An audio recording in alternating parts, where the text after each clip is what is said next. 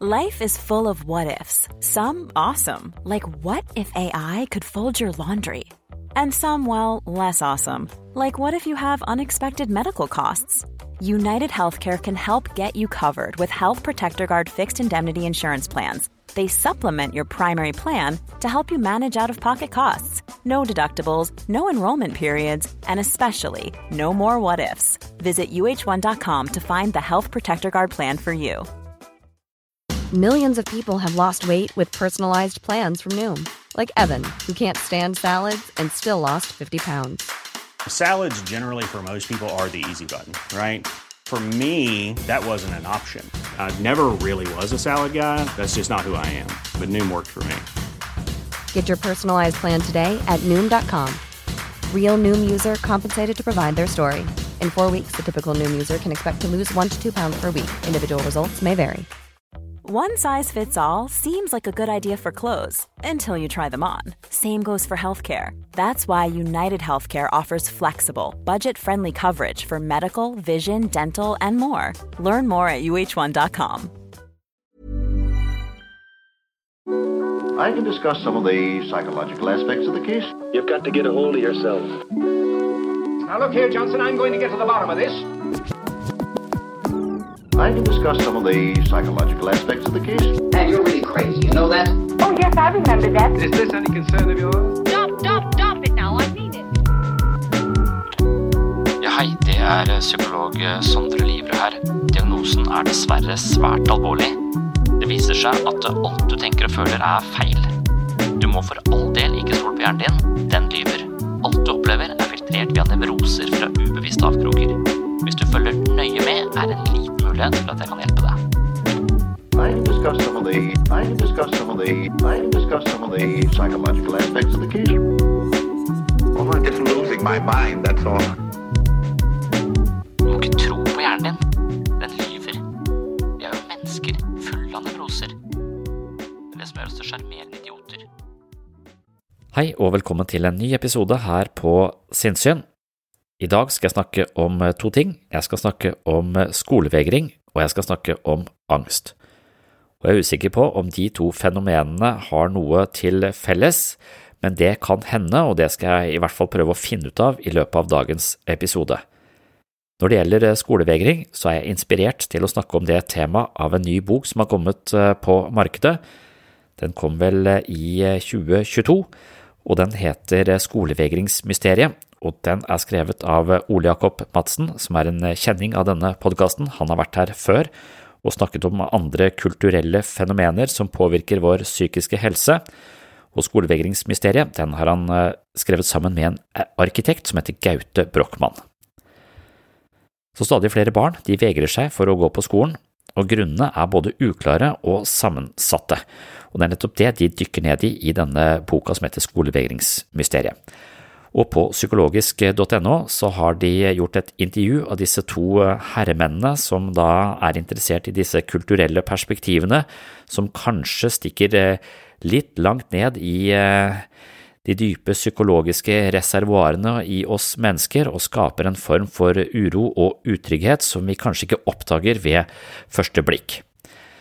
Så Jonas Sundquist han har eh, intervjua disse to, eh, denne psykologen og denne som er både psykolog og filosof, Ole Jakob Madsen, og denne arkitekten som da heter Gaute Brochmann.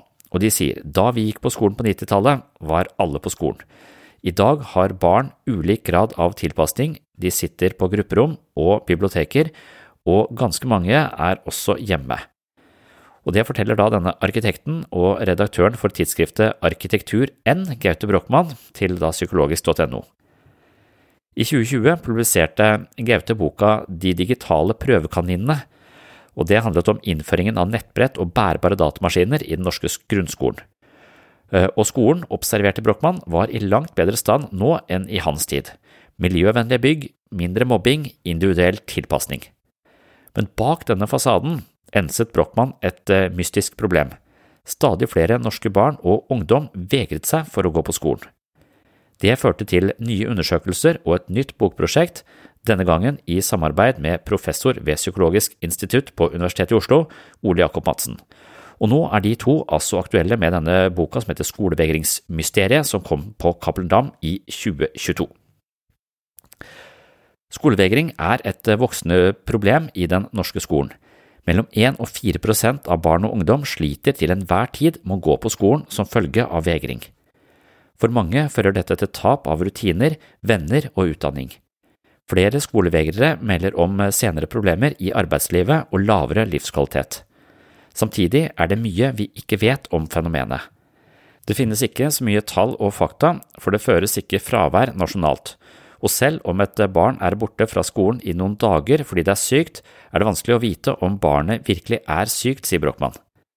Ifølge psykologspesialist og førsteemanuensis ved RKBU Midt-Norge, Jo Magne Ingull, er det fem kriterier som definerer skolevegring. Punkt 1. Eleven har et relativt høyt og uforklart fravær. Punkt 2. Den unge er vanligvis hjemme når de skulle vært på skolen. Punkt 3. Den unge viser et følelsesmessig ubehag som angst eller tristhet når de snakker om skolen. Punkt 4. Den unge viser ellers ingen alvorlig antisosial eller normbrytende atferd. Og punkt 5. Foreldrene ønsker og har prøvd å få den unge til å gå på skolen. Når du spør barn og unge hva deres fremste kilde til stress er, svarer de fleste skolestress. Jeg tenker det er en interessant problemstilling. Hva er det med skolen og utdanning i eh, utvidet forstand som gjør at den har blitt eh, viktigere, sier Madsen til psykologisk.no. Han legger til at det er eh, mulig vi ser noe av vrangsiden ved at stadig flere ungdom tar skolen seriøst. Mange orker rett og slett ikke å utsette seg selv for det presset. Før var skolen i større grad noe man bare møtte opp på, men det var ikke nødvendigvis et springbrett inn i fremtiden eller en prestasjonsarena. Skolen var kanskje et kjedelig sted, men det var også noe romslighet der, og flere orket rett og slett å holde ut, sier han. Men selv om forskning tyder på at skolevegring har blitt mer utbredt, er det mindre klart hvorfor. For min del er det ikke én forklaring som peker seg ut. Det er et eh, godt eksempel på hvordan alt fra individuell sårbarhet til eh, skoleutvikling, til samfunnsutvikling, til digitalisering av samfunnet, til forbrukerkultur virker inn i hverandre og sammen produserer mer skolevegring, sier Madsen. Ifølge han og Brochmann kan eh, de som rammes av skolevegring deles i tre overordna kategorier. Barn med ulike psykiatriske diagnoser og utviklingsforstyrrelser, som ADHD, autismespekterforstyrrelser eller Tourettes syndrom, og kategori to, barn som sliter med angst eller depresjon, som gjerne utløses i situasjoner i eller utenfor skolen. Og punkt tre, barn som opplever utfordringer i skolen eller hjemmet, som mobbing eller et belastende nærmiljø. Utfordringene påvirker dem uavhengig av andre diagnoser eller om de er disponert for psykiske lidelser. Men dette er bare en del av forklaringen. Statistisk sett er ikke barn mer disponert for diagnoser, angst eller mobbing nå enn før. Så hvorfor har de tingene vi før tålte kollektivt blitt en grunn til at man ikke takler skolen, sier Brochmann. Hva med foreldrene, hva slags rolle spiller de for skolevegring? Vi kan spørre oss om foreldregenerasjonen i dag er mer ettergivende enn tidligere. Foreldre i dag er mer sensitive for barnas egne opplevelser, som er bra, men det kan òg skape grobunn for at eh, ikke-skolen blir en mulighet, sier Madsen. Altså, det blir en mulighet for at eh, barn kan da bli værende hjemme fordi vi er sensitive på deres ubehag og kanskje litt lettere gir etter og sier ja til at de skal være hjemme hvis de for eksempel har litt vondt i magen, og det kan kanskje være starten på en sti som går i litt feil retning. Og så er det forholdet mellom foreldre og skolen, legger han til. Med stadig flere private og digitale skolemuligheter har nok et økende antall foreldre fått et mer forbrukeraktig forhold til skolen. Det er ikke lenger en institusjon man automatisk sender barnet til, men noe man i større grad involverer seg i og stiller krav til. Brochmann mener det har oppstått en form for eh, stille skyttergravskrig mellom skolen og foreldrene istedenfor et samarbeid. På den ene siden mener fagfolk at det er eh, foreldrenes ansvar å sende barn på skolen, mens foreldrene ser på skolen som problemet, sier han. Jeg tror det å jobbe aktivt for å bygge ned denne konflikten er noe av det viktigste som kan komme i kjølvannet av denne utgivelsen, for begge parter vil jo barnas beste. En kjerne i problemet er allikevel hensynstagning til barnet, forklarer Brochmann videre. For hvis du ikke tar hensyn til barna, bare sender dem på skolen, er det ikke noe rom for skolevegring. Da sitter de i stedet på skolen og har det vondt. Det er naturligvis ikke bra, og for en del barn med skolevegring er det å bli tvunget på skolen åpenbart helt feil medisin. På tidlig 1920-tallet snakket man om barn som hang etter mors skjørtekant, men dette ble sett på som en liten og isolert gruppe med løsrivelsesproblemer. Siden ble fagmiljøene mer opptatt av sammenhengen mellom barnets problemer og foreldrenes tilkortkommenhet, før fokuset på 80-tallet ble rettet mot mobbing. Først etter tusenårsskiftet begynte fagmiljøene å mistenke skolen som en plausibel forklaring på barns psykiske uhelse, forklarer Brochmann. Det har vært et prosjekt de siste hundre årene at skolen skal bli mindre rigid, og det er mye bra i det, men det har også problematiske konsekvenser. Skolevegring er en av dem, påstår han. Madsen påpeker at også dagens pedagogiske former kan bidra til at flere unge ikke føler de tåler presset fra skolen. Det er mindre av den tradisjonelle kateterundervisningen, hvor det var mulig å kjede seg i klasserommet uten at noen merket det, sier han. Nå føler barn seg mer sett og vurdert, legger Madsen til, både av medelever og lærere. De driver med prosjekt og gruppearbeid, og det gjør det mye vanskeligere hvis man ikke henger med evne- eller engasjementsmessig, så blir man altså da sett både av læreren, men også av medelever, hvor man stadig vekk må holde presentasjoner så hele klassen får med seg at du eventuelt ikke har fulgt med, eller at syns det her er drittkjedelig. Så hvis man var syk og hjemme fra skolen på 80-tallet, hadde man ikke tilgang på datamaskin og ingen å ringe fordi alle var på skolen. Du skulle være veldig syk for å gidde å være hjemme, for det var lite belønnende, sier Madsen. I dag finnes det derimot et eh, bredere tilbud med dataspill og strømmetjenester, og det er lettere for ungdom å treffe likesinnede i virtuelle verdener.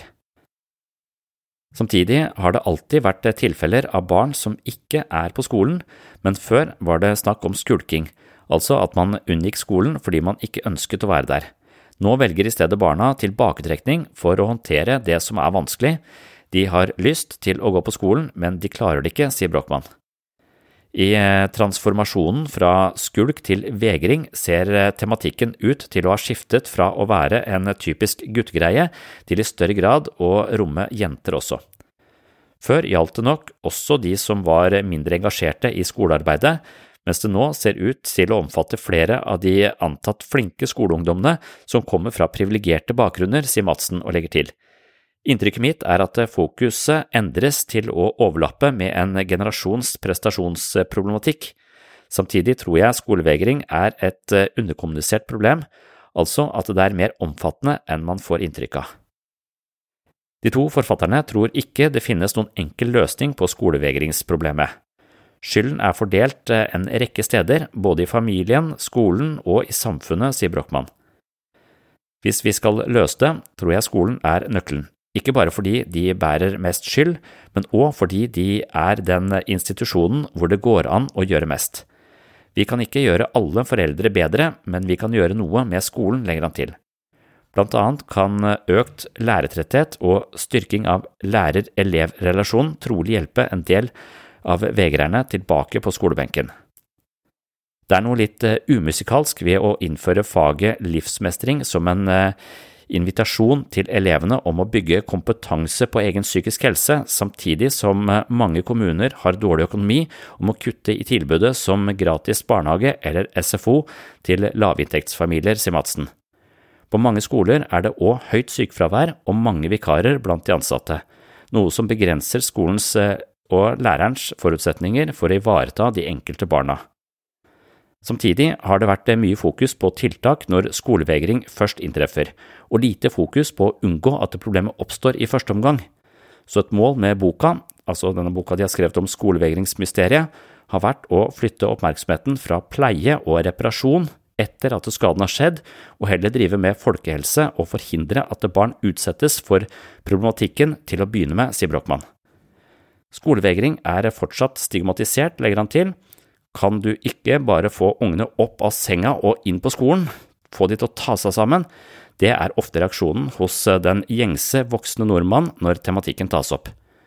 Brochmann og Madsen håper boka imøtekommer denne kategoriske kritikken, og kan eh, forstå denne problematikken på litt dypere og mer nyansert måte. Istedenfor å bare synes synd på barna, har vi forsøkt å forstå skolevegring på en ordentlig måte og heve oss eh, over enkelttilfellene. Det tror jeg er viktig, for disse sakene er utrolig belastende både for skolen og familiene, sier Brochmann. Uavhengig av om man er en forelder som opplever dette, eller en lærer eller rektor, håper jeg at man kan både føle seg litt truffet og litt fritatt for skyld etter å ha lest boka. Det avslutter altså Madsen med til psykologisk.no. Og jeg har eh, forsøkt å lese denne boka og forstå problemet ut ifra det Madsen og Brochmann skriver om, og jeg synes det er mange interessante poeng der, og spesielt dette poenget hvor man eh, i dagens samfunn blir sett og vurdert og målt og veid hele tiden. Altså, For det første så er man lenger på skolen, man begynner jo et år tidligere enn da jeg gikk på skolen på 80- og 90-tallet. Dagene er lengre, etter at man er ferdig på skolen så har man SFO, så man har organiserte aktiviteter helt fram til klokka halv fire-fire, så man er hele tiden under en eller annen sånn form for eh, pedagogisk logikk som skal hjelpe barna inn i konstruktive aktiviteter, og når de kommer hjem, så må de bare hive i seg maten, for da skal de videre på andre organiserte aktiviteter.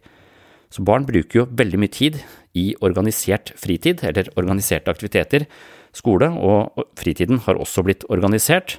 De bruker mer tid sammen med foreldre, kanskje det er litt vanskeligere å løsrive seg.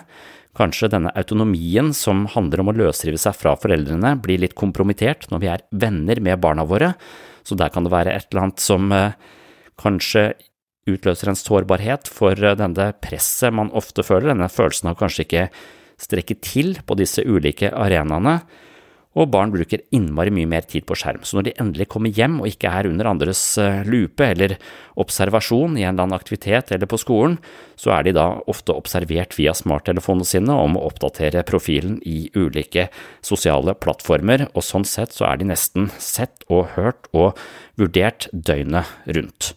Så jeg tror den tyngden av å for eksempel eh, være på skolen og skulle holde fremlegg og bli vurdert av hele klassen, få karakterer, bli målt og veit, nasjonale prøver osv., osv., at det kan skape en type stress og press som kanskje vi ser ved denne tilspissingen av dette fenomenet skolevegring. Og det er det jeg vil dykke ned i i dagens episode, samtidig som jeg vil koble dette til eh, tendenser i samfunnet generelt, og se litt mer spesifikt på utviklingen av angst og forstå de ulike angstlidelsene som ikke bare rammer barn og unge, men også oss eh, voksne. Så det er eh, menyen for dagens episode av Sinnsyn, og velkommen skal du være. Men temaet er i hvert fall angst.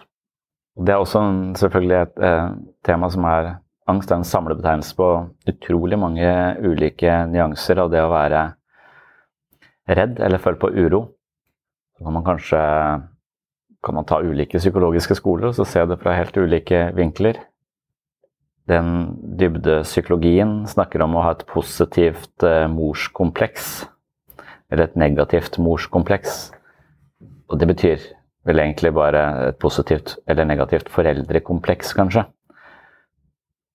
For det er rett og slett bare den ganske åpenbare ideen om at eh, vi fødes inn i verden, og hvis vi erfarer at verden kan bære oss, hvis behovene våre blir dekt, hvis vi får mat, hvis vi får omsorg, hvis vi blir trøsta, hvis vi blir vist en form for raushet og aksept for den vi er, så vil vi få en sånn grunnleggende følelse at verden bærer, og livet bærer, og det skaper tillit. Og hvis vi har eh, tillit som grunnbjelke på en måte i livet vårt, så vil nok eh, risikoen for å utvikle type angstlidelser være litt mindre. Ikke nødvendigvis helt fraværende, men litt mindre. Så det å møte inn i en situasjon med en slags tillit til at andre mennesker vil deg vel, ikke er ute etter å lure deg eller ta deg eller le av deg, men bare i hvert fall ha som baseline en slags tillitsfull innstilling til livet, det tror jeg er ganske, ganske godt å leve med. Og det tror jeg rett og slett bare handler om hva slags erfaringer du fikk helt fra starten av. Og ingen har sånne plettfrie erfaringer, men at vi har mer av den, det gode morskomplekset enn det, enn det mer negative morskomplekset, eller foreldrekomplekset. De snakker ofte om mor og far i den. Jeg husker jeg så den der eh, eh, Mr. Magoo når jeg var liten. Jeg vet ikke hvilken kanal eller hvor det dukket opp, men det er et eller annet med denne gamle mannen som er nærsynt, som nesten ikke ser en dritt. Og Det er en sånn tegnefilm som varer bare noen uh, ganske kort tid. Så, men han ser jo ikke noe, så, men han går ut likevel.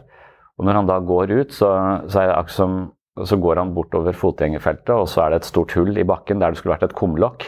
Og så tråkker han liksom oppi det hullet, men akkurat idet han tråkker, så kommer en mann opp, så han tråkker på hodet til den mannen, og så går han bare videre. Og, og, så går han liksom plutselig på en ja, altså Alt blir så Alt er tilfeldig, men alt bærer. Det er akkurat de siste Han overlever, så havner han på kontoret sitt på en sånn mirakuløs måte. Han er innom masse sånne arbeidsplasser og svære maskiner som jobber. Han blir bare båret rundt, og så plutselig så sitter han på kontoret sitt der han skal være. Selv han ikke ser en dritt. Det er sånn total tiltro til at det livet fører meg dit jeg skal, og det gjør det. så det er den der, det er det, akkurat som det er liksom arketypen, denne, den gode mor da, som bærer dette mennesket gjennom, eh, gjennom, livet. Og så tenker jeg litt på, det, på at en, en, type frykt vi har, er jo at vi kanskje noen av oss går ikke på de der kumlokka med frykt for at de faktisk skal svikte. Og at det rett og slett bare er en sånn grunnleggende følelse for om livet bærer eller ikke bærer. Og at det er et ganske sånn avgjørende utgangspunkt. Så det kan man jo tenke litt sånn eh, bare sånn rent relasjonelt på, sånn erfaringsmessig på. Så vil det også være et slags nevrologisk substrat. At den følelsen av å bære eller ikke bære i livet At eh, den avvisningen eller den frykten vi følte når vi, når vi, vokste opp, den vil også trimme hjernen vår og de stedene i hjernen som kode for enten panikk eller frykt.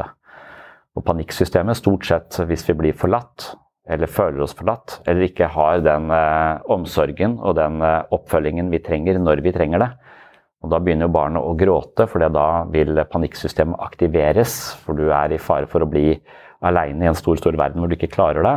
Og så vil produksjonen av endorfiner reduseres, sånn at barnet får faktisk vondt og begynner å gråte for den smerten det føler i kroppen, for å påkalle seg foreldrenes oppmerksomhet. Og så kommer gjerne da de foreldrene som strekker til, og til barnet til unnsetning, og så, så får man reparert denne plutselig manglende tiltro til at verden faktisk bærer. Så hvis man er der eh, innenfor denne sonen man har til å, til å, følge opp, så tenker man at det, det tåler barnet. Men hvis man da blir liggende og grine, og ingen kommer, så vil barnets panikksystem etter hvert dempes, for det vil ikke være hensiktsmessig å grine så veldig lenge, for da blir du spist andre rovdyr. Det er en sånn biologisk logikk i det. Du kan ikke lage for mye ståhei når du er liten og aleine. Så du må bare gråte så lenge til at du tenker at barnet kan komme, eller mor eller far kan komme til unnsetning. Hvis ikke de gjør det, så må du bare eh, dempe det og, og være stille. Det er litt sånn jeg tenker at man ser hos eh, barn i en barnehage, at de gråter noe jævlig når du skal levere dem hvis de er utrygge. Men så, sier, så ringer de fra barnehagen fem minutter. Nå er de helt rolig. Ja, for nå er de eh, gitt opp. Panikken er fortsatt aktivert, men de er inne i den depressive fasen hvor de bare gjemmer seg og håper å ikke bli spist av et rovdyr. Så det, da kan jeg være på jobb med god samvittighet. Det er um, følelsen jeg har, i hvert fall. Men, men da er det også, sant, da vet man at hjernen er litt som en muskel, så hvis den da blir aktivert mye over litt lengre, lengre, tid i disse sensitive utviklingsfasene som Freud har snakket om, men som nevropsykologi også har vist at ja, det er en del sensitive faser her som handler om ulike ting.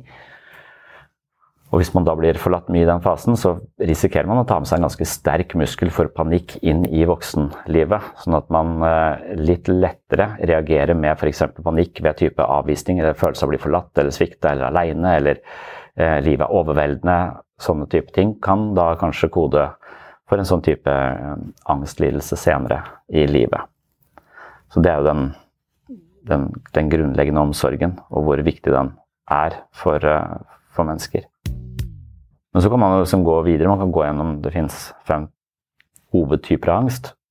Men så syns jeg også den podkasten jeg anbefalte flere å høre, fra Verdibørsen, med bl.a. Ole Jakob Madsen og en Borkmann, var det det, eh, som hadde skrevet en arkitekt som hadde, og Ole Jakob Madsen er jo filosof og psykolog, hadde skrevet om, om skolevegrerne. Og lurte på om dette med skolevegring er et slags sånn tilspisset fenomen som kanskje sier noe om en underliggende uro vi har. Og ut ifra den podkasten vi hørte om han eh, Alexander Krag Kielland, var det det, som hadde skrevet den boka 'Bare litt redd', om en fyr som tydeligvis hadde en ganske solid oppvekst. Han hadde, han hadde nok fått den omsorgen han trengte, og det var liksom ikke noe sånn grunnleggende det man kaller en slags ontologisk usikkerhet ved dette mennesket, som eh, spilte fotball, gikk på skolen, hadde en fin familie. Alt var egentlig på stell. Men han fikk likevel plutselig da, panikkangst. Man kan jo forstå en del av disse angstproblematikkene på grunnlag av en utrygghet i oppveksten. Men hva hvis man har en helt trygg oppvekst, og det ikke er noe åpenbare eh, mangler eller noe åpenbare negative morskomplekser. Altså et kompleks er bare en erfaring, det er en komplisert form for erfaringer du har med viktige andre mennesker, som du tar inn i deg selv, og som du bruker som en baseline i møte med andre. Så hvis du har positive erfaringer, så vil du også ha en positiv forventning til andre mennesker. Det er det disse, disse, den tilliten vi tar med oss, da, hvis vi har en grunn til å ha tillit til andre mennesker, så er det det vi også tar med oss inn i nye situasjoner. Og så er det nok litt sånn at vi skaper verden litt også, så hvis vi forventer det, så får vi det ofte. Og hvis vi forventer mistillit, eller hvis vi, vi forventer å bli svikta, så kan det også ofte skje fordi vi leser hverandre på sånne finurlige måter. At det er masse små signaler jeg sender på om jeg stoler eller ikke stoler på deg. Hvis jeg ikke stoler på deg, så skaper jeg en avstand, og så skaper jeg en, legger en sånn røyk av skepsis mellom oss, og så vil den andre reagere på samme måte, og så faller vi, faller vi fra hverandre. Så det er en slags selvoppfyllende profeti i de tingene her. sånn. Så det er helt åpenbart. Men hvis du har egentlig ganske mye tillit, men likevel da utvikler panikkangst, da, som var denne eh, hovedkarakteren i den boka, bare litt redd, så er spørsmålet hva, hva faen er gærent med Hva har skjedd her? Og det snakket vi om i den, uh, den podkasten med han, men jeg syns uh, Ole Jakob Madsen og de, når de har skrevet om skolevegring, kanskje er inne på noe av det samme. Han har skrevet om det i Generasjon prestasjon og sånn også, men at det, skolevegring er jo et fenomen Han gutten i boka han fikk jo angstanfall men eh, skolevegring er ikke nødvendigvis angst, men det er kanskje i hvert fall noe av de samme mekanismene hvor man unnviker et eller annet. Man, eh, ofte så vil skolevegrerne gjerne gå på skolen, men de makter det ikke. De sier ikke at de har angst, de bare makter ikke å gå på, gå på skolen. Og jeg tror de som eh, har angst også på et eller annet tidspunkt blir sittende inne ganske trangt og føle at de kanskje de føler en stor grad av frykt, at det er det vi kaller angst, men unnvikelsen er litt lik. Man unnviker det man ikke makter eller eventuelt er redd for. da. Så det er en, i hvert fall en parallell der sånn.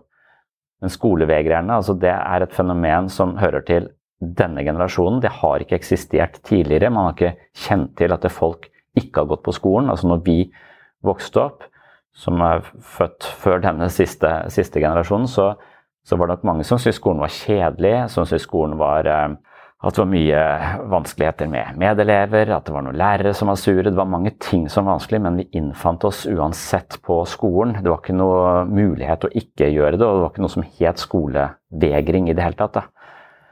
Sånn at det, det var ikke et, um, et, alternativ. Mens nå er det over 20 000 barn som ikke går på skolen i over en måned eller mer. Sånn at det er ca. 3,7% av barn tror de, eh, sitter eh, hjemme og denne, bærer dette fenomenet skolevegring. Og så man tenker at Det var mye bedre før. Da fikk man bare beskjed om å skjerpe seg. og Man kan liksom moralisere om det.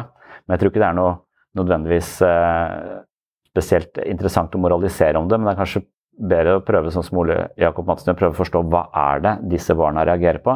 Og er det forskjeller i vår tid som i dag kontra for en generasjon siden eller 20 år siden. Og det eh, mener han at det er ganske mye. Han peker på noen faktorer. Denne, denne tilknytningen som vi snakket om, hvis du har en trygg tilknytning til foreldrene dine, så, så tenker du kanskje at verden bærer, jeg er trygg. Men er det mulig å bli for trygg? Kan det hende at vi har nå en annen relasjon til foreldrene våre som er mer sånn vennskapsbasert, og at vi som eh, mennesker er mye mer sensitive for andres følelser?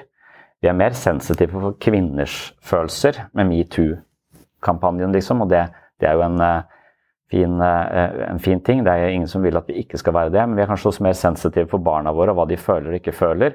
Og så er vi kanskje, har vi mer en sånn Vi har ikke en sånn stor hierarkisk forskjell på eh, jeg bestemmer og du er, du er, barn. Det er ikke den store. Vi er ofte litt mer likestilte. Vi snakker med barna våre.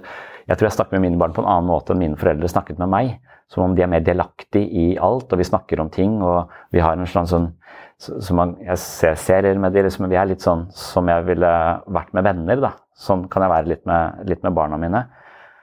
Og, og den eh, nærheten der er kanskje bra på en måte, men det kan også hende at den eh, setter litt kjepper i hjula for det å utvikle autonomi og selvstendighet.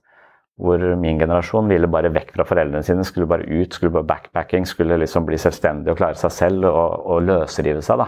Mens den løsrivningsprosessen er ikke like present nå. Det er mer sånn at man det er, det er, veldig mange ganske voksne barn som er med foreldrene sine på ferie. Det sluttet man med så fort man kunne når jeg øh, vokste opp, men, men nå er det så jeg har flere vennepar som er eldre barn enn jeg, og, som, så er barna med på, på ferier som det liksom er en del av, av flokken fortsatt. Da. Og det kan være masse bra med det, men det kan også hende at det gjør at uh, følelsen av å klare seg aleine i verden, akkurat den prosessen med løsrivelse, blir litt forstyrra på en måte. Og det kan være én faktor som spiller inn på at de føler at livet er litt uh, overveldende, og det er mye krav der ute. Så det er lettere å bare komme seg hjem i det, i det trygge. Jeg vet ikke om den er noe særlig godt argument, men det er sikkert hvert fall en, en forskjell som man kan legge merke til. De neste tingene er jo dette med å være på skolen så jævla lenge. Når jeg gikk på skolen, så var vi der sånn tre timer eller noe, så kunne vi gå hjem. Da var det ofte en eller annen mor som var hjemme og ikke jobba, eller jobba halvt. Jeg husker eh, at min mor jobba halvt, tror jeg, sånn at jeg var hjemme med henne og en kamerat. Eller så var jeg hos kameraten min hvor hennes, hans mor var hjemme. Så vi liksom dro hjem, og så, og så var, vi, var, vi, der. Så, så, hvis du ikke likte skolen, så hadde du i hvert fall bare tre timer av dagen som, som var der, eller fire timer. Nå begynner vi jo ett år tidligere på skolen enn man eh, gjorde før. Nå begynner de å gjøre det mye mindre, og de er der lenger. Pluss at etter skolen så har de skolefritidsordning. Så vi visstnok hadde begynt å kalle noe annet i Oslo. Sånn der, det er i hvert fall organiserte aktiviteter da, for barn hele dagen. Så de er ikke ferdig før halv fire-fire og så skal de, skal de, gå hjem. Så hvis du ikke liker skolen nå, så får du det i mye større doser enn du gjorde før. Many of us have those stubborn pounds that seem impossible to lose, no matter how good we eat or how hard we work out. My solution is PlushCare. PlushCare is a leading telehealth provider with doctors who are there for you day and night to partner with you in your weight loss journey. They can prescribe FDA-approved weight loss medications like Wagovi and Zepbound for those who qualify. Plus, they accept most insurance plans. To get started, visit plushcare.com slash weight loss. That's plushcare.com slash weight loss. Hold up. What was that? Boring. No flavor. That was as bad as those leftovers you ate all week. Kiki Palmer here, and it's time to say hello to something fresh and guilt-free. Hello Fresh. Jazz up dinner with pecan-crusted chicken or garlic butter shrimp scampi. Now that's music to my mouth. Hello Fresh. Let's get this dinner party started. Discover all the delicious possibilities at hellofresh.com. Millions of people have lost weight with personalized plans from Noom, like Evan, who can't stand salads and still lost 50 pounds. Salads, generally, for most people, are the easy button, right? For me, that wasn't an option. I never really was a salad guy. That's just not who I am. But Noom worked for me. Get your personalized plan today at Noom.com. Real Noom user compensated to provide their story. In four weeks, the typical Noom user can expect to lose one to two pounds per week. Individual results may vary. Og det kan også hende at det å være synlig hele tiden på, i denne skolehverdagen er også med på å skape en sånn type press og uro som ikke alle er komfortable med, fordi det er så innmari fokus på å skulle holde fremlegg og skulle eh, holde presentasjoner. Det vet man jo er jævlig for folk. Det er jo, Stort sett så vil jo folk heller ligge i kista enn å holde minnetalen. Og det, sånn er vi, vi mennesker. og du skal, du tenker at ja, det er så viktig del av det å være være på scenen i vår tid, synes å være, være på. Liksom. Det er så viktig, som å trene på fra veldig tidlig alder. Så hvis du hadde La oss si at du har tolv år på skolen, da, og at du et av de åra ikke er så jævlig motivert og egentlig ikke er interessert i det hele tatt, og bare kan sitte bakerst og se ut av vinduet og dagdrømme, eh, eller fikle med noe annet, eller sitte og fargelegge altså det, det bør kanskje vi regne med at folk ikke er supermotivert eh, i tolv år. Men, og da kunne man kanskje gjemme seg litt vekk før. Man kunne sitte bakerst der og vippe på stolen. Og det, det var, var, greit. Mens eh, nå, og lærerne lager nok merke til at eh, kanskje prestasjonene sank litt, og du fikk kanskje litt dårligere karakter igjen i en periode, og så kom du kanskje tilbake igjen. Men nå er det ikke bare lærerne som ser at du ikke følger med, for nå skal du også blottlegge det for hele klassen i en sånn type fremlegging hele tiden. Og da blir du jo sett av ikke bare én lærer og foreldrene dine som følger med som aldri før. Du blir sett av læreren, og du blir sett av alle medelevene som du skal prestere foran. Pluss at du har så masse nasjonale prøver som skal måle og veie deg i huet og ræva. Så du er under et konstant press på å prestere. Pluss at de har installert den ideen om at hvis du ikke presterer, så er livet ditt slutt. Du har ikke kjangs til å leve et, et, et, godt liv hvis ikke du får gode karakterer på skolen. Så I den podkasten nevner de liksom, noe som de skriver i boka også, at, det, at en, en, mor som snakker om en sønn som kommer hjem fra første klasse og ikke har skjønt noe i matematikk, og tenker at 'nå får jeg ikke jobb'. Altså, 'Mamma, nå får jeg ikke jobb, for jeg skjønte ikke matematikken'. Altså, Allerede i første klasse så har han fått den ideen om at hvis ikke jeg får til dette, så er ikke livet mitt eh, bærekraftig i det hele tatt. Så da kommer du inn på en arena hvor du blir målt hele forbanna tida, alle skal se deg, og du har ikke lenger skolekamerater, du har skolekonkurrenter, for dere konkurrerer om et visst antall plasser som gir på en måte billetten til å leve et meningsfullt liv. Og det presset der sånn, det kan det godt være at noen føler så sterkt på, selv om de ikke klarer å uttrykke det, at de på en eller annen tidspunkt tenker Nei, faen, jeg orker ikke å, gå dit, jeg blir bare hjemme. Og med en gang det har blitt en mulighet Det kan egentlig tenke man bare trengte en pause. Og Man trengte en slags forståelse for at det systemet presser deg noe jævlig hardt, men gi litt faen i det. For du trenger å puste og leve livet ditt. Altså Noen forteller deg alle disse fallgruvene som ligger der. Men det virker helt normalt, for alle er der, og alle skal prestere. Du må avsløre dem. Mens isteden så tenker de jeg får det ikke til. Jeg vet ikke, eller, jeg vet ikke hva de tenker, men de bare blir plutselig værende hjemme. Og så blir de værende hjemme og værende hjemme og værende hjemme, og så går livet forbi. Og så kan det være at de har i utgangspunktet ikke noe alvorlig psykisk lidelse på noe som helst måte, men at de var såpass slitne at de tok en pause, og den pausen gjorde at de falt utenfor, og terskelen for å komme tilbake igjen ble så høy. Selv om alle da jobber med å få de tilbake igjen. Og når de da kommer tilbake igjen, hvis de klarer det, så, er, så får de tilrettelagte skolehverdager. Og det de ber om da, er jo ikke å ikke få prøver, de ber om å ikke ha fremlegg. Det er det nesten er eh, det de, det de ønsker å, å, slippe. Det å hele tiden ha de, de øynene på seg. Så da kan man tenke seg at man har verdens tryggeste oppvekst, men likevel havner som denne dette tilspissa symptomet som bærer et slags signal om at kulturen og presset har blitt såpass høyt nå at det er ikke mulig å leve det. Så kanskje man er en slags eksponent for kanskje han egentlig er en slags revolusjonær for å si at det her systemet her er helt fucked. De måler bare én type kvaliteter, som, og vi har masse kvaliteter som ikke kommer til å syne i dette systemet her, men det blir ikke verdsatt. og Derfor så setter jeg meg her hjemme i en slags stille demonstrasjon, mens de egentlig bare føler seg mislykka, sannsynligvis, for de skjønner ikke at de er en demonstrant for, eh, for en slags opposisjon mot en eller annen kulturell føring. Men, men, kanskje det også føles ut som etter hvert angst. Da, for jeg tror man også mister sosial kondis veldig kjapt av å koble seg ut av noe. Det har jeg jo selv følt på når jeg prøvde å se hvor lenge jeg kunne være inne i leiligheten uten å gå ut. Så når jeg klarer en eh, syv dager, eh, syv til ti dager så, og kommer ut, så, så, er jo verden skremmende og overveldende, og andre mennesker eh, virker nærmest litt fiendtlige på butikken der, så da løper jeg hjem igjen. Det gjorde jeg når jeg studerte, da. så da hadde jeg anledning til å teste ut det. Men jeg syntes ikke det skulle ta så lang tid før, før det var ukomfortabelt å komme ut av hula igjen. da. Ja, og så På sett og vis så står man da i en umulig posisjon. for at Tilsynelatende så lever vi i verdens rikeste land. Alle har det bra, de har det de trenger, de har matpakke, de har alt sammen. Og de står der, og så sier de 'jeg har vondt i magen'. Og så tenker du 'ok, skal jeg bare nå presse på for at de skal gå på skolen'? Eller skal jeg kjøpe det argumentet ah, du har litt vondt i magen, kanskje du må bli hjemme. Da har vi åpnet en mulighet for å eh, reagere på en måte som gir deg en pause. Og den pausen den sørger også for at du eh, havner utenfor og langsomt kanskje mister den sosiale kondisen du trenger for å holde tritt med dette feltet her. sånn. Og så, og så, og så har vi tillatt en slags retning i livet som forgreiner seg og kanskje sementerer seg i en jævlig vanskelig situasjon for det mennesket.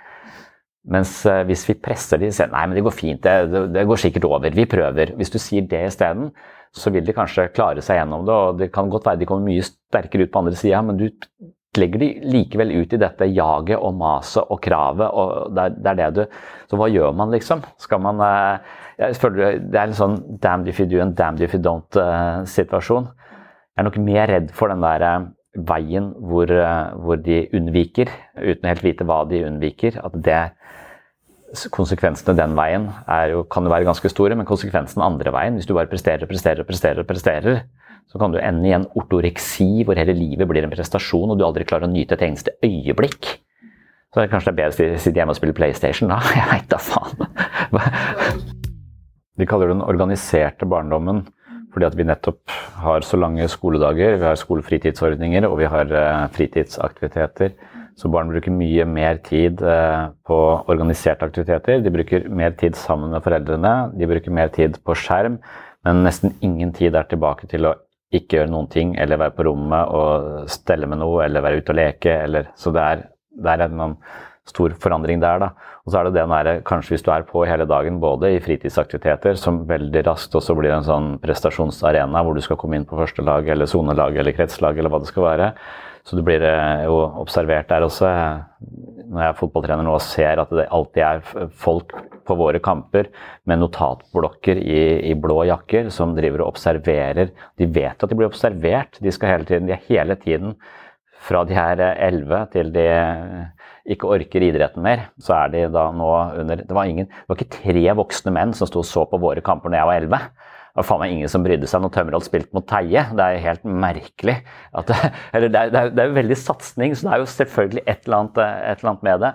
Men du, du, blir jo, og når du da endelig kommer hjem da, og kanskje skal sette deg inn på rommet ditt og, og, og slappe av, så er du fortsatt synlig på de sosiale mediene som legger en enda som kanskje fordobler og forsterker alle disse faktorene igjen. Og da har du kanskje en situasjon hvor skolevegring blir et, eh, et fenomen som eh, også på en måte blir da tilgjengelig for å få den tiltrengte pausen. Så det er et symptom på noe, et eller annet behov som er der. Samtidig som det kanskje er en sånn eh, som heter Ian Hacking, som snakker om sånne kulturelle diagnoser. Sånn at smerten vår eh, får uttrykk på en eller annen måte, og så vil vi kalle det med noe. Og da har vi på en måte liksom Musesyken var Vi fikk vondt der. Vi hadde whiplash på 80-tallet Særlig han fyren i Beck gikk alltid rundt med den krava, og så tok han en annen og så slapp av litt. så, så det, jo, det, jo vi har sånn, sånn, Smerten kommer til uttrykk et eller annet, i en eller annen eh, fasong da, som kulturen bestemmer seg for at dette er, eh, dette er sånn vi skal uttrykke denne smerten nå, som ofte er mange forskjellige typer ting. Så at eh, skolevegring kan være en sånn en. og det Ole Jakob Madsen er redd for, er at hvis vi da, når vi lager diagnoser på det Nå er ikke skolevegring en diagnose, foreløpig bare et fenomen som vi registrerer, man liksom registrerer. Men, men, med en gang det blir en diagnose, så har vi privatisert problemet og sagt det er noe galt med dette, dette barnet, så vi må behandle dette barnet. Så dette barnet må henvises til ABUP og få psykoterapi eller medisiner for sin skolevegring. Men skolevegringen er bare en naturlig reaksjon på et press. Det er litt som å bo i en bygning som de bruker som eksempel. Hvis, du, hvis skolen er full av asbest, så kan du prøve å gjøre noe med skolen. Eller du kan gi alle elevene gassmasker og drille dem på hvor, når de skal evakuere bygningen hvis lufta blir for dårlig. Altså, er, vi driver ikke på den måten. Vi intervenerer ikke på barna når, når bygget er fullt av asbest. Vi burde intervenere i kulturen, på skolen, i systemet.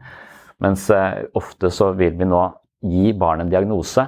Og det er der jeg føler at vi, psykisk helsevern, ofte spiller en sånn med på disse notene, da, og i verste fall eh, sykeliggjør tilstander. For det er en sånn person også Hva er galt med meg som ikke klarer det? Jeg må feile noe. Gi meg en diagnose. Ja, nå har du fått en diagnose, og her har du medisin. Sånn at ok, så, så jeg hadde en sykdom. Var derfor jeg ikke, ikke, klarte det. Nei, du hadde en jævla normal reaksjon på et jævla fucked up system. Og, da, og hvis vi skal da diagnostisere Akkurat som jeg mener eh, ADHD også til dels kan være en, Det er ikke så mange som har det, som tror de har det. Mens eh, det er kanskje fordi at du er totalt avhengig av den smarttelefonen din som eh, forstyrrer deg hele tiden. Og hvis vi hele tiden skal privatisere det og gi deg en diagnose, når du egentlig bare er fanga av et eh, fenomen i kulturen som vi kanskje bør korrigere for på en eller annen måte. og jeg tror ikke vi kan, Det er veldig vanskelig for oss å korrigere eh, kulturelle fenomener, men vi kan kanskje, sånn som i all annen psykoterapi, være bevisst disse faktorene og hvordan de påvirker oss, for så å kanskje manøvrere oss litt utenom de. Eventuelt ta konsekvensen av hvordan mobilen min fucker opp oppmerksomheten min, og i hvert fall intervenere litt selv der før jeg begynner på amfetamin. Så det blir ikke bare skolevegring, det blir sånn livsvegring etter hvert, fordi du blir måltveid i alle bauger og kanter. Nå var jeg på sånn konferansetime med dattera mi, og, og, hun er litt som førstefødt, typisk. Jeg syns hun minner om meg. og Hun presterer høyt på de fleste arenaer og føler og er veldig pliktoppfyllende og ordentlig, liksom. Og det er min bekymring, den ordentligheten. Så når vi da får vite at det, ja, det er bra på alle områder, men muntlig engelsk, der skorter det, så det må være mer muntlig engelsk. Og da, det, da, tenkte jeg på den prestasjonen, eller det å hele tiden fremføre også på engelsk i tillegg. Så tenkte jeg jeg skal være bra dritings før jeg snakker engelsk. Eh, med noen. Altså, det er kun når jeg er, eh, det er seint på kvelden på Gran Canaria. Liksom. Da er det mulig jeg kan bestille en øl på engelsk, og da blir jeg nekta den ølen, for da er jeg for full. Så da, da, så, og hun skal gjøre dette da foran sine eh, klassekamerater. Liksom hva skal vi gjøre med dette? Hvordan, jeg syns det er så vanskelig å snakke engelsk foran andre. Så, hva, skal vi, hva, skal jeg gjøre med det? Altså, ja, nå var det bra i alt det andre, kan ikke bare, kan ikke bare drite i det? Men så, ja, men hvis jeg ikke får, når jeg begynner på ungdomsskolen, hvis jeg ikke får karakter, hvis jeg får dratt ned karakteren min i engelsk 3, da, da bla, bla, bla. Så, så plutselig har hun en slags argumentasjonsrekke. da, for at det, Hvis hun ikke ender der hun ønsker å ende, hvis hun ikke klarer å snakke engelsk eh, framfor en forsamling, da veit jeg ikke hva jeg skal si. Eller eh, kanskje hun har rett, for alt jeg veit. Altså, kanskje det var akkurat de poengene som gjorde at du ikke kom inn på det studiet som du absolutt ville inn på. og måtte, Men så Men en litt annen variant av angst. Da. Det er mange forskjellige typer. Så man har generalisert angst, man har panikklidelse, fobier, posttraumatisk stress og tvangslidelser. Hvis vi bare tar den enkelte for seg, da, så generalisert angst, det er denne frittflytende angsten som eh, som ikke er knytta til en eller annen spesifikk situasjon eller eh, en ting eller et dyr, eller hva man sånn forbier er. Men mer en sånn vedvarende uro og rastløshet da. og, og bekymringer. Man kan også ha noen sånne kroppslige skjelvinger og sånn. Så GAD heter jo generalisert angst. Det er en diagnose man får hvis man har den tilstanden i over et halvt år. Og jeg har det ofte to dager i strekk, og så gir det seg. Og da kan jeg løse det. Men for meg så, så God kjenner jeg igjen, det skjønner jeg liksom. Jeg forstår den som, som, om det egentlig er rotet i hodet mitt, har jeg inntrykk av. At det er et eller annet som jeg ikke har tatt hensyn til. Et eller annet jeg har gjort som jeg angrer på, men som jeg ikke helt vet. Og, som jeg, og så bare baller det på seg, liksom. Sånn at jeg kjører hjem og er uvøren i trafikken fordi jeg ikke helt klarer å konsentrere meg av en sånn udefinerbar uro og rastløshet. Og ofte så vil man da prøve å gi den følelsen legitimitet ved å finne et problem. Så da skanner du liksom livet ditt for ulike faktorer, og så finner du én faktor som da ofte blir bærer av hele den uroen. Sånn at det er liksom Ja, det er det, det er pga. det, og så blir det problemet som normalt sett kanskje hadde blitt sett på som en bagatell i mitt liv, plutselig veldig stort. Så jeg blåser opp én en enkelt ting, og så tenker jeg at det er derfor, og så prøver jeg å håndtere det og så, og så, glemmer jeg liksom de andre, andre, tingene. Så har jeg etter hvert forstått at det, det, er som regel summen av mange små problemer som skaper denne indre uroen hos meg. Og hvis jeg skal klare å jobbe meg ut av det og ikke havne i, i gadd, så må jeg snakke med noen som kjenner meg godt og prøve å, å sortere det. Så da trenger jeg en sånn type sorteringssamtale med hunden jeg bor sammen. Jeg kjenner meg bare urolig. Hva er det? Kan det være det? Kan det være det? Ja, det, men det tar jeg. Da fikser vi det. Og så, og så bare akkurat som bare at jeg tar alt det som er der inne, og så Akkurat som jeg ville gjort i huset når det er jævlig rotete, så ville jeg rydda opp og så ville jeg lagd en eller annen system som gjør at jeg finner sokkene igjen. Sånn at jeg ikke hver morgen mangler sokker eller klær. altså Hele livet mitt blir jævlig sånn vanskelig å leve, da. Og sånn blir det også på innsiden. Sånn blir det på datamaskinen min også, hvis jeg ikke tar sånn skanning og sletter filer jeg ikke bruker. For at da bare rogner det seg til. Og sånn gjør det inni huet mitt, sånn gjør det på datamaskinen, sånn gjør det i huset.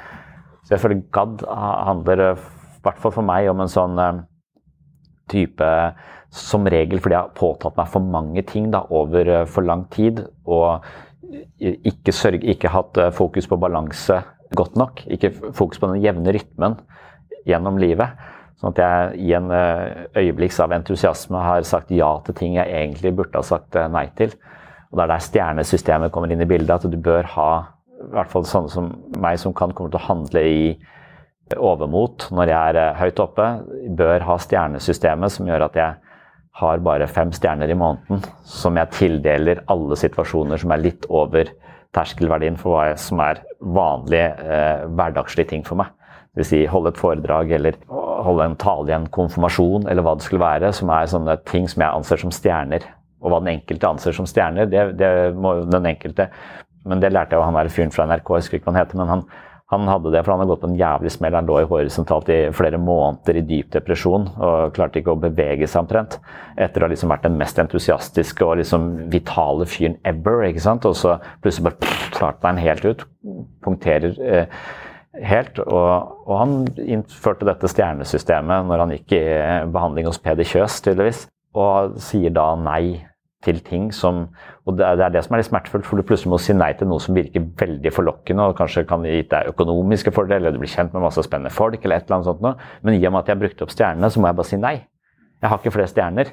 Hvis det hadde vært et kjent fenomen, så, så kunne man jo liksom bare sagt har dessverre ikke flere stjerner, så du sluppet å funnet på den unnskyldningen som jeg alltid må generere for å si nei til noe som eh, virker som Så hadde jeg sluppet å ljuge. Så det kan være at jeg skal bare lage en sånn standardfrase på stjernesystemet, forklare stjernesystemet, og så si at jeg har dessverre ikke flere eh, stjerner. Håper dere finner noen andre.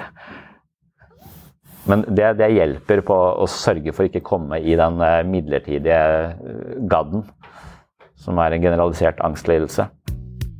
Ja, nei, det er bare hvis jeg ikke har, eh, har hatt øye for balansen uh, i, i, livet. Sånn at eh, det, det, det, kan jo være ytre faktorer som gjør at ubalansen melder seg i livet mitt, som ikke jeg kan kontrollere. Og, og da, men da er det ofte mer sånn at du kan håndtere det problemet.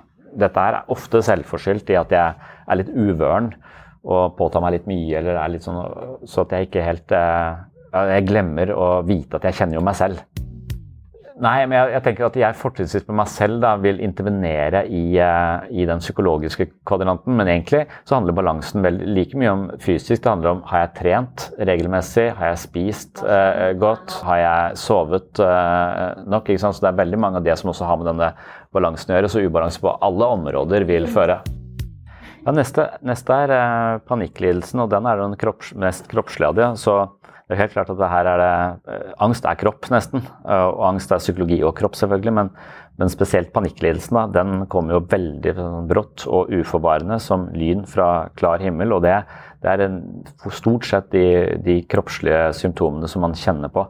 Hvor man liksom svetter, det er skjelvinger, det er smerte i brystet, det er kvalme, svimmelhet. Hjertet slår eh, helt i hockey. Du blir nummen. Du føler at du skal besvime og dødsangsten melder seg. For det her er det naturlig å tro at uh, dette er et hjerteinfarkt eller dette er en alvorlig fysisk uh, reaksjon som uh, gjør at jeg må legges inn akutt umiddelbart. Så, så, det er jo også panikklidelsen som til forveksling ligner et hjerteinfarkt. Så der vil vi veldig ofte leite i den biologiske kvadranten etter årsaken til, til panikklidelsen. Så panikken er, den er den er ganske heftig og veldig, veldig kroppslig. Og det er jo litt som når du først har opplevd panikkangst, så melder den frykten for at du skal oppleve det på nytt seg. Sånn at det, det, er jo ofte en slags opprettholdende faktor i at man da blir redd for at det skal skje, skje på nytt. Og det er et sånt uh, ganske vanskelig spor å komme inn i, fordi at det er nesten som å leve med en litt sånn lunefull partner som banker deg, ikke hver fredag, men sånn helt tilfeldig. på en måte. Altså du, hvis, du, hvis, du, lister deg rundt en eller annen uh, person som uh, er kjempesnill i det ene øyeblikket og en tyrann i det neste øyeblikket, og du ikke klarer å regne ut hva som er hva, så lever du helt uforutsigbart. Og nå er det plutselig kroppen din som er den tyrannen mot deg selv. Liksom. Det er nesten som å leve med en, eh, med en overgriper i sin egen kropp, som plutselig bare slår deg helt i bakken, liksom. Og det, det er jo veldig, veldig skremmende, selvfølgelig. Så det å klare å opprettholde nysgjerrighet på årsaksforholdene i et panikkanfall er eh, nesten umulig. Men uh, når vi snakket om dette med psykedeliske stoffer sist, så er det jo det folk rapporterer, at det, når jeg har fått en slags opplevelse av at det egoet mitt som tolker alt, går i det vale, og jeg har fått en opplevelse av at egoet mitt forvitrer, og jeg er ikke meg. Jeg er fortsatt et, et slags høyere selv som observerer meg, meg, selv gå i oppløsning. Så får du denne levde erfaringen på at jeg er ikke tankene og følelsene mine. Og det de tar med seg videre, hvis de får noe ut av det, er den forståelsen av at du ikke er tankene og følelsene dine. Og det de sier er at Angsten har ikke nødvendigvis forsvunnet. Jeg blir fortsatt redd, jeg blir fortsatt deprimert. Men frykten for angsten er borte.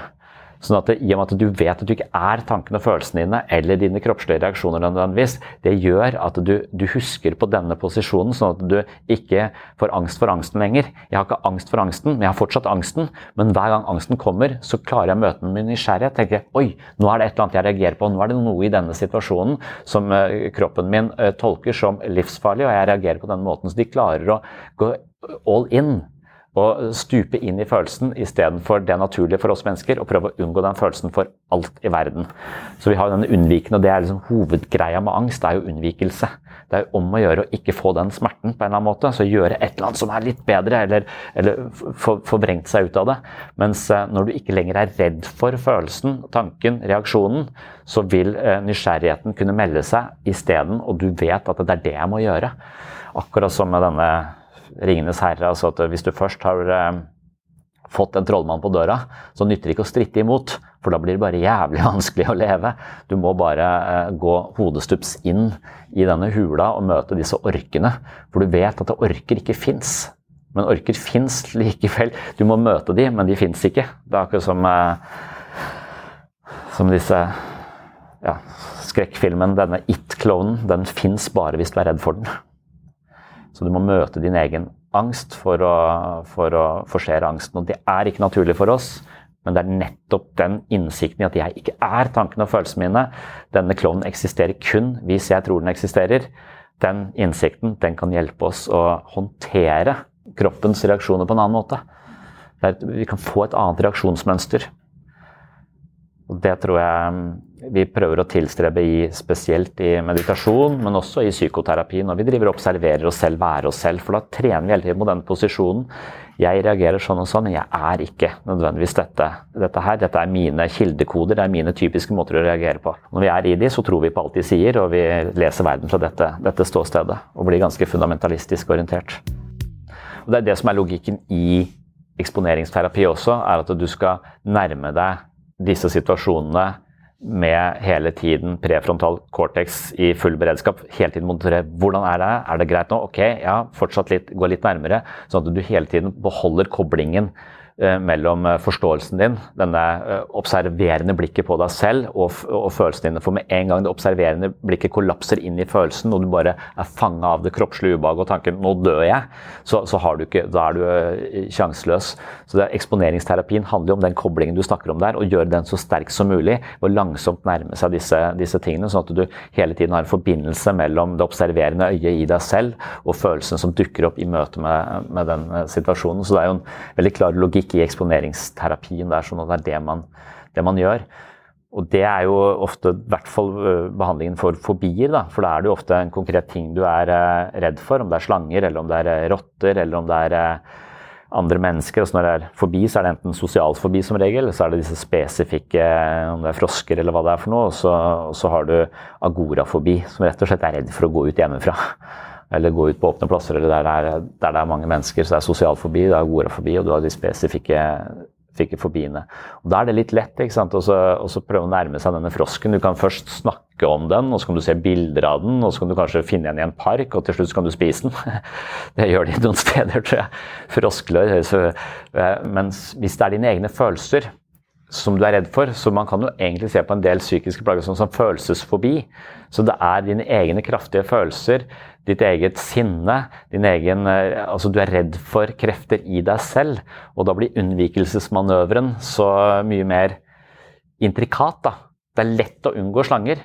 Det er jævlig vanskelig å unngå ting i en selv som en ikke engang vet hva er, for det ligger i det ubevisste. Det er omtrent like etterrettelig som spøkelser. Hva er et spøkelse? Aner ikke, tror det er i skapet. Du, du ikke, altså, hva er du redd for i deg selv? Aner ikke, tror det er her et sted.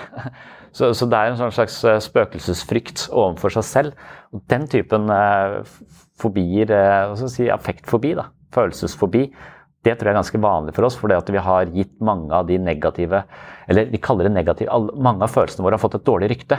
Så istedenfor å se det som et signal, så ser vi det som noe som definerer oss. Vi kollapser med følelsen. Hvis du blir eitrende forbanna på barna dine, så er du en dårlig pappa. Og du dømmer deg selv. Du har en sånn dommer som driver sier det var ikke riktig, det var ikke riktig. Denne diktatoren i huet ditt som skal, som skal dempe alle, alle, uttrykk som ikke er eh, Altså den ytringsfriheten som de har tatt vekk i Russland akkurat nå, det er den manglende ytringsfriheten vi har, eh, mange av oss, i vårt eget hode når det gjelder en del følelser. Så istedenfor å la de få lov til å komme til orde og høre hva de sier, så undertrykker vi de og, og tier de, og da blir de ganske eksplosive i oss. Og Da får vi eventuelt et panikkanfall. Da. Ikke fordi at vi er redd for frosker, men fordi vi er redd for følelser i oss selv som plutselig kommer til overflaten med full kraft og sier 'fuck you, jeg gidder ikke å trues til stillhet lenger'. For, hvordan tenker Man kan angripe dette problemet på veldig mange måter. og Noen ganger så er symptomene så innmari sterke at du bør angripe det på symptomnivå. og Da syns jeg ofte at disse eksponeringsterapiene virker som en veldig god effekt. Men jeg syns ikke de er spesielt sånn Jeg syns ikke de er veldig sofistikerte, jeg syns de er litt enkle. For jeg tenker at jeg, har sett folk her ute pusse tenna med dobørsten, liksom. Og så tenker jeg nå har du for lite frykt for bakterier, for det der er bare ekkelt. Altså, så, så slutt med det. Men, men, det er jo for å, fordi at de er så redd for bakterier at de gjør noe helt i andre enden. Og da vil det vanlig å ta på dohåndtak, liksom. Det vil være helt naturlig, tenker man da, så man bare utligner en eller annen destruktiv respons på et eller annet. Så, så du gjør bare det som er i helt andre enden. Og Det kan godt hende at det hjelper på enkelte ting, men det kan altså hende at sosial fobi ikke bare er at du holder en tale i markens for tilfeldig forbipasserende, som sånn speakers corner der nede, for det er det de ofte gjør for sosialangst f.eks. Helvete, eller danse på torvet, liksom.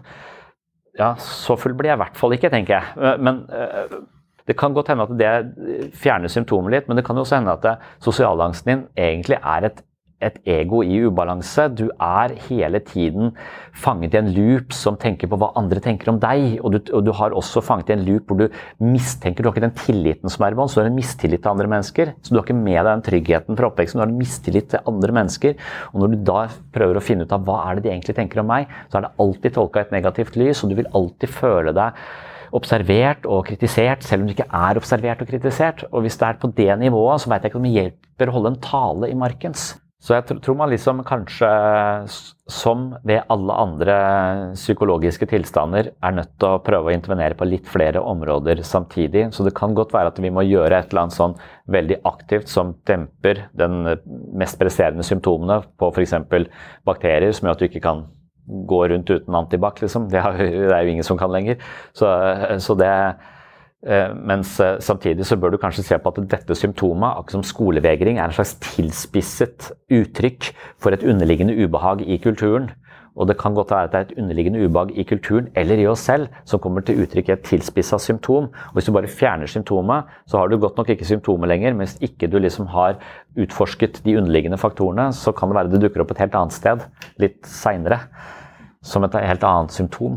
Det vil jo kanskje være men, men, samtidig så går det kanskje ikke an å dykke ned når du er midt i symptomet, når det så, tar så stor plass at du klarer ikke å tenke. For, uh, så, så, så da, da, har du ikke noen mulighet til å dykke fordi du er fanget i symptomet. Og da tror jeg eksponeringsterapien vil kanskje kunne fjerne det litt, sånn at du faktisk får tilgang. Men hvis du bare fjerner og sier ferdig, så vet jeg ikke om du, om du kanskje mangler en type Eller går glipp av en type lærdom som var potensielt sett tilgjengelig i det symptomet alkohol hjelper godt på min gadd. Så jeg kan velge å snakke med noen om det og prøve å sortere det, eller jeg kan ta gin tonic. Og det, gin tonic fungerer vel så bra som en samtale den kvelden, men dagen etter så er jeg, så er jeg ikke Det er en mer varig løsning, det der å prøve å rydde opp. Men det er, det er, jeg syns det er forlokkende og spennende å, å være den derre sånn eventyreren i sitt eget uh, indre liv og møte sin egen frykt og, og, sånn. Men det er sånn i teorien veldig spennende. Men som du sier, med en gang hjertet begynner å slå helt løpsk, så kollapser den, den viljen. Det er sånn, den, Det motet man trenger, det forsvinner liksom, som støv for vinden nesten. Men jeg lurer på, det i hvert fall har hjulpet meg liksom sånn at det, jeg tror noe av grunnen til at vi ikke møter disse mørke kreftene i oss selv, eller disse negative sidene, er at det, vi tar det veldig personlig. Vi dømmer oss selv veldig sterkt for å ha de. Og, det er der jeg, det hjelper meg å føle litt mer sånn transpersonlig. At uh, dette her er, dette eksisterer i meg, og det eksisterer i kulturen. Jeg er en del av kulturen, jeg er en del av verden. Verden eksisterer i meg, jeg eksisterer i verden. At det er en sammenheng der. Sånn at jeg går til type mytologi eller historier og tenker at dette er fellesmenneskelige opplevelser av eh, uro som alle har, så at jeg gjennom fortellingen ikke blir helt aleine om det, og heller ikke gjør det sånn personlig. Jeg er en sånn person, mens alle andre er annerledes. Det er ofte den følelsen at man er aleine om noe, og, og, er helt annerledes enn alle andre. Men så er det egentlig bare et slags Det er et fenomen som eksisterer i, i alle mennesker. Så, så, for meg så hjelper det å gjøre det litt sånn transpersonlig. Det blir kanskje litt upersonlig, men det blir også håndterlig. For det er lettere å opprettholde nysgjerrigheten når du møter den smerten så tett på at du, at, at du, du vet at dette her er eh, ikke noe du er aleine om, men hele menneskeheten har hatt dette, og det dramatiseres i 'Ringenes herre'. Dette her er eh, orkene, og de er de jævligste. Alvene de er bare litt sånn der eh, ufordragelige å se ned på deg. Mens disse her, som jobber på Nav, de tar faen meg pengene dine! Så det er jo de, siste, de, to siste, etter fobier, så er det posttraumatisk stresslidelse. Det er også blant de fem hovedtypene av angst. Det oppstår som en sånn type forsinka eller litt sånn langvarig reaksjon på en eller annen sånn ekstremt skremmende hendelse som har vært veldig smertefull, enten mot deg selv eller mot noen som står deg nær. da.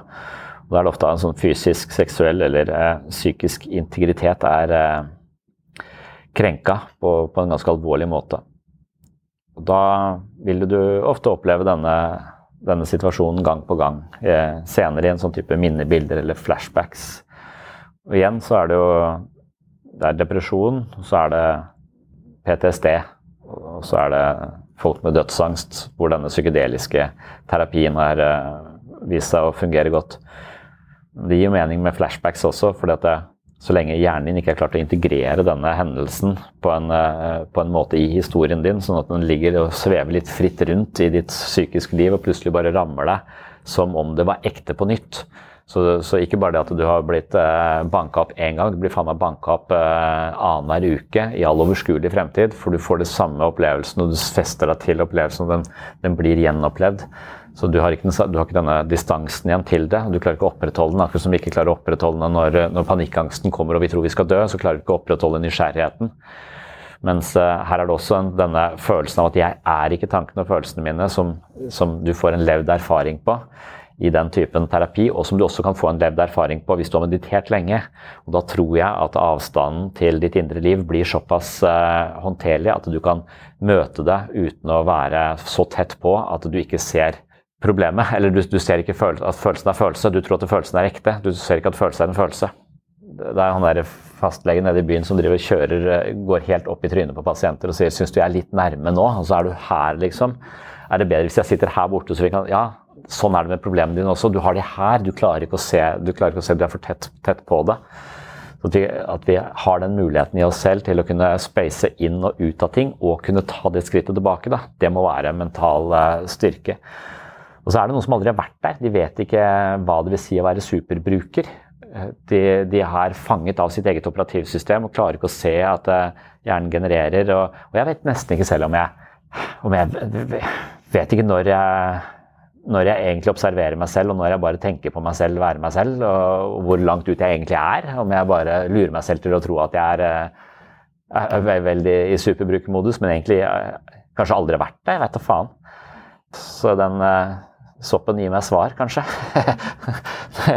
Nei, jeg har aldri skjønt deg selv. Dette her er jo helt Men i hvert fall igjen da, bare det å forstå at skrekkfilmen er en skrekkfilm, det er jo det som er posttraumatisk stresslidelse. Altså, dette minnebildet er ikke en situasjon som hender nå, det er en situasjon som har hendt. Denne skrekkfilmen den er ikke et uh, vitnesbyrd om uh, hvordan uh, spøkelsene opererer i skapet hjemme hos deg, men det er bare noe som Stephen King har funnet på for å skremme, skremme deg. Så Du kan ta den distansen til filmen, og du kan potensielt sett klare å ta den distansen til ditt eget indre liv.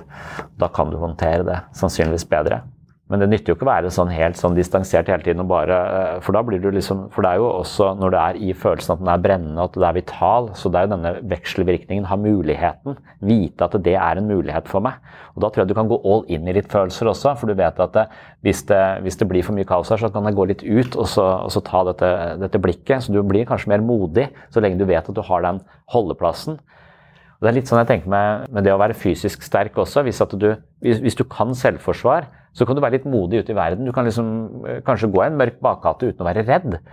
Og kanskje du aldri skjer noe med deg i mørk bakgate fordi at du utstråler at du ikke er redd.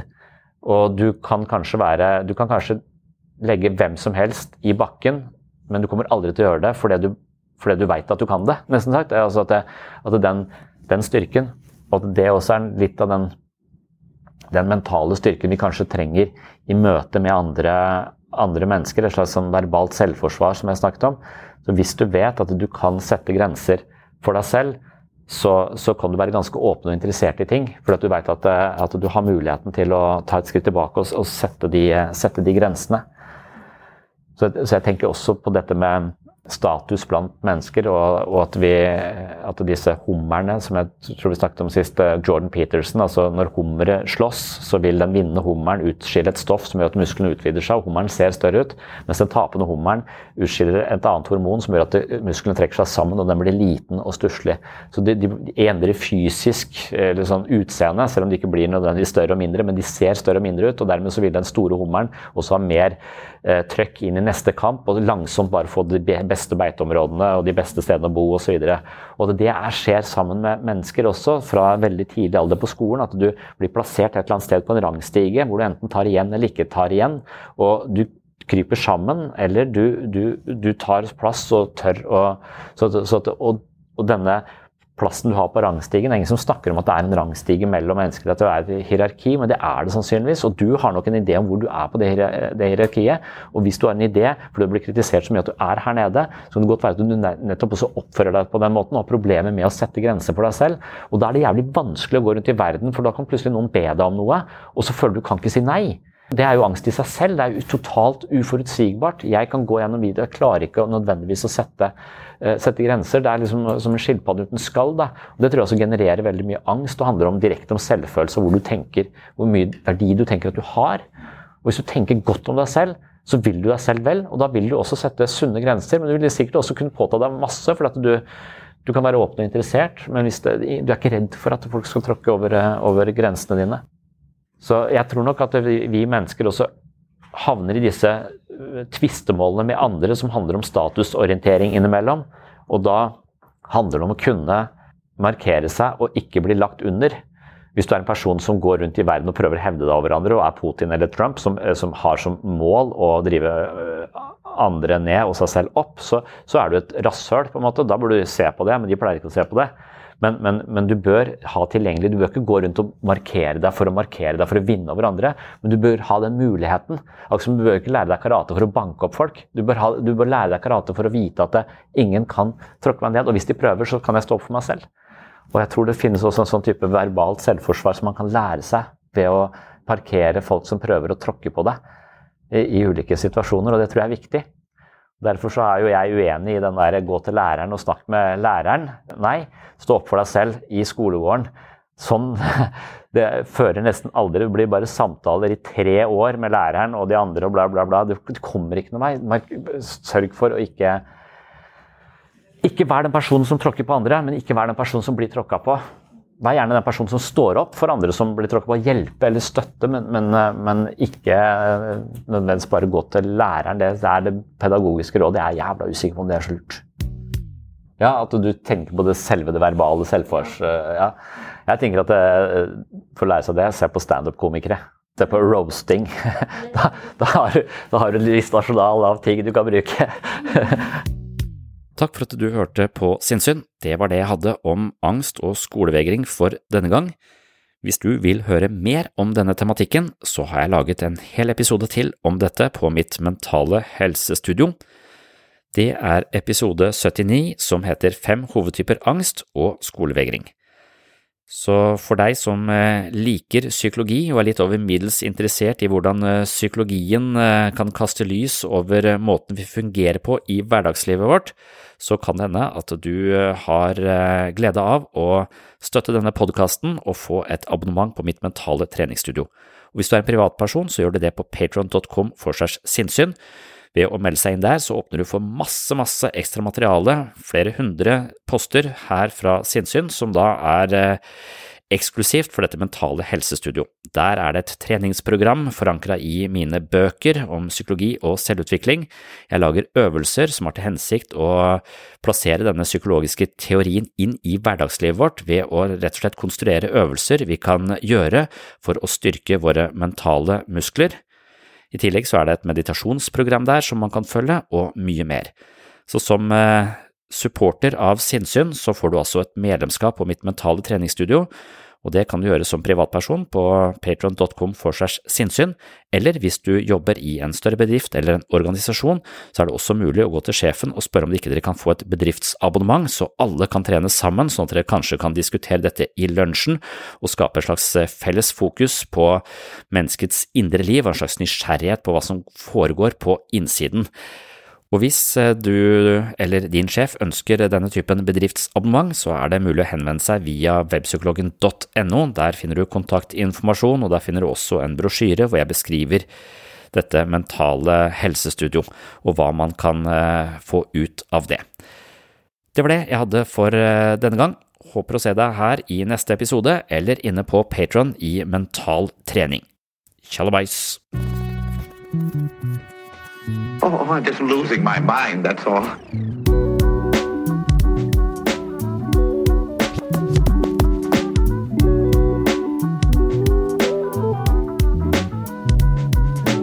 I can discuss some of the I can discuss some of the I can discuss some of the psychological aspects of the case. Psycho, psycho, psychological aspects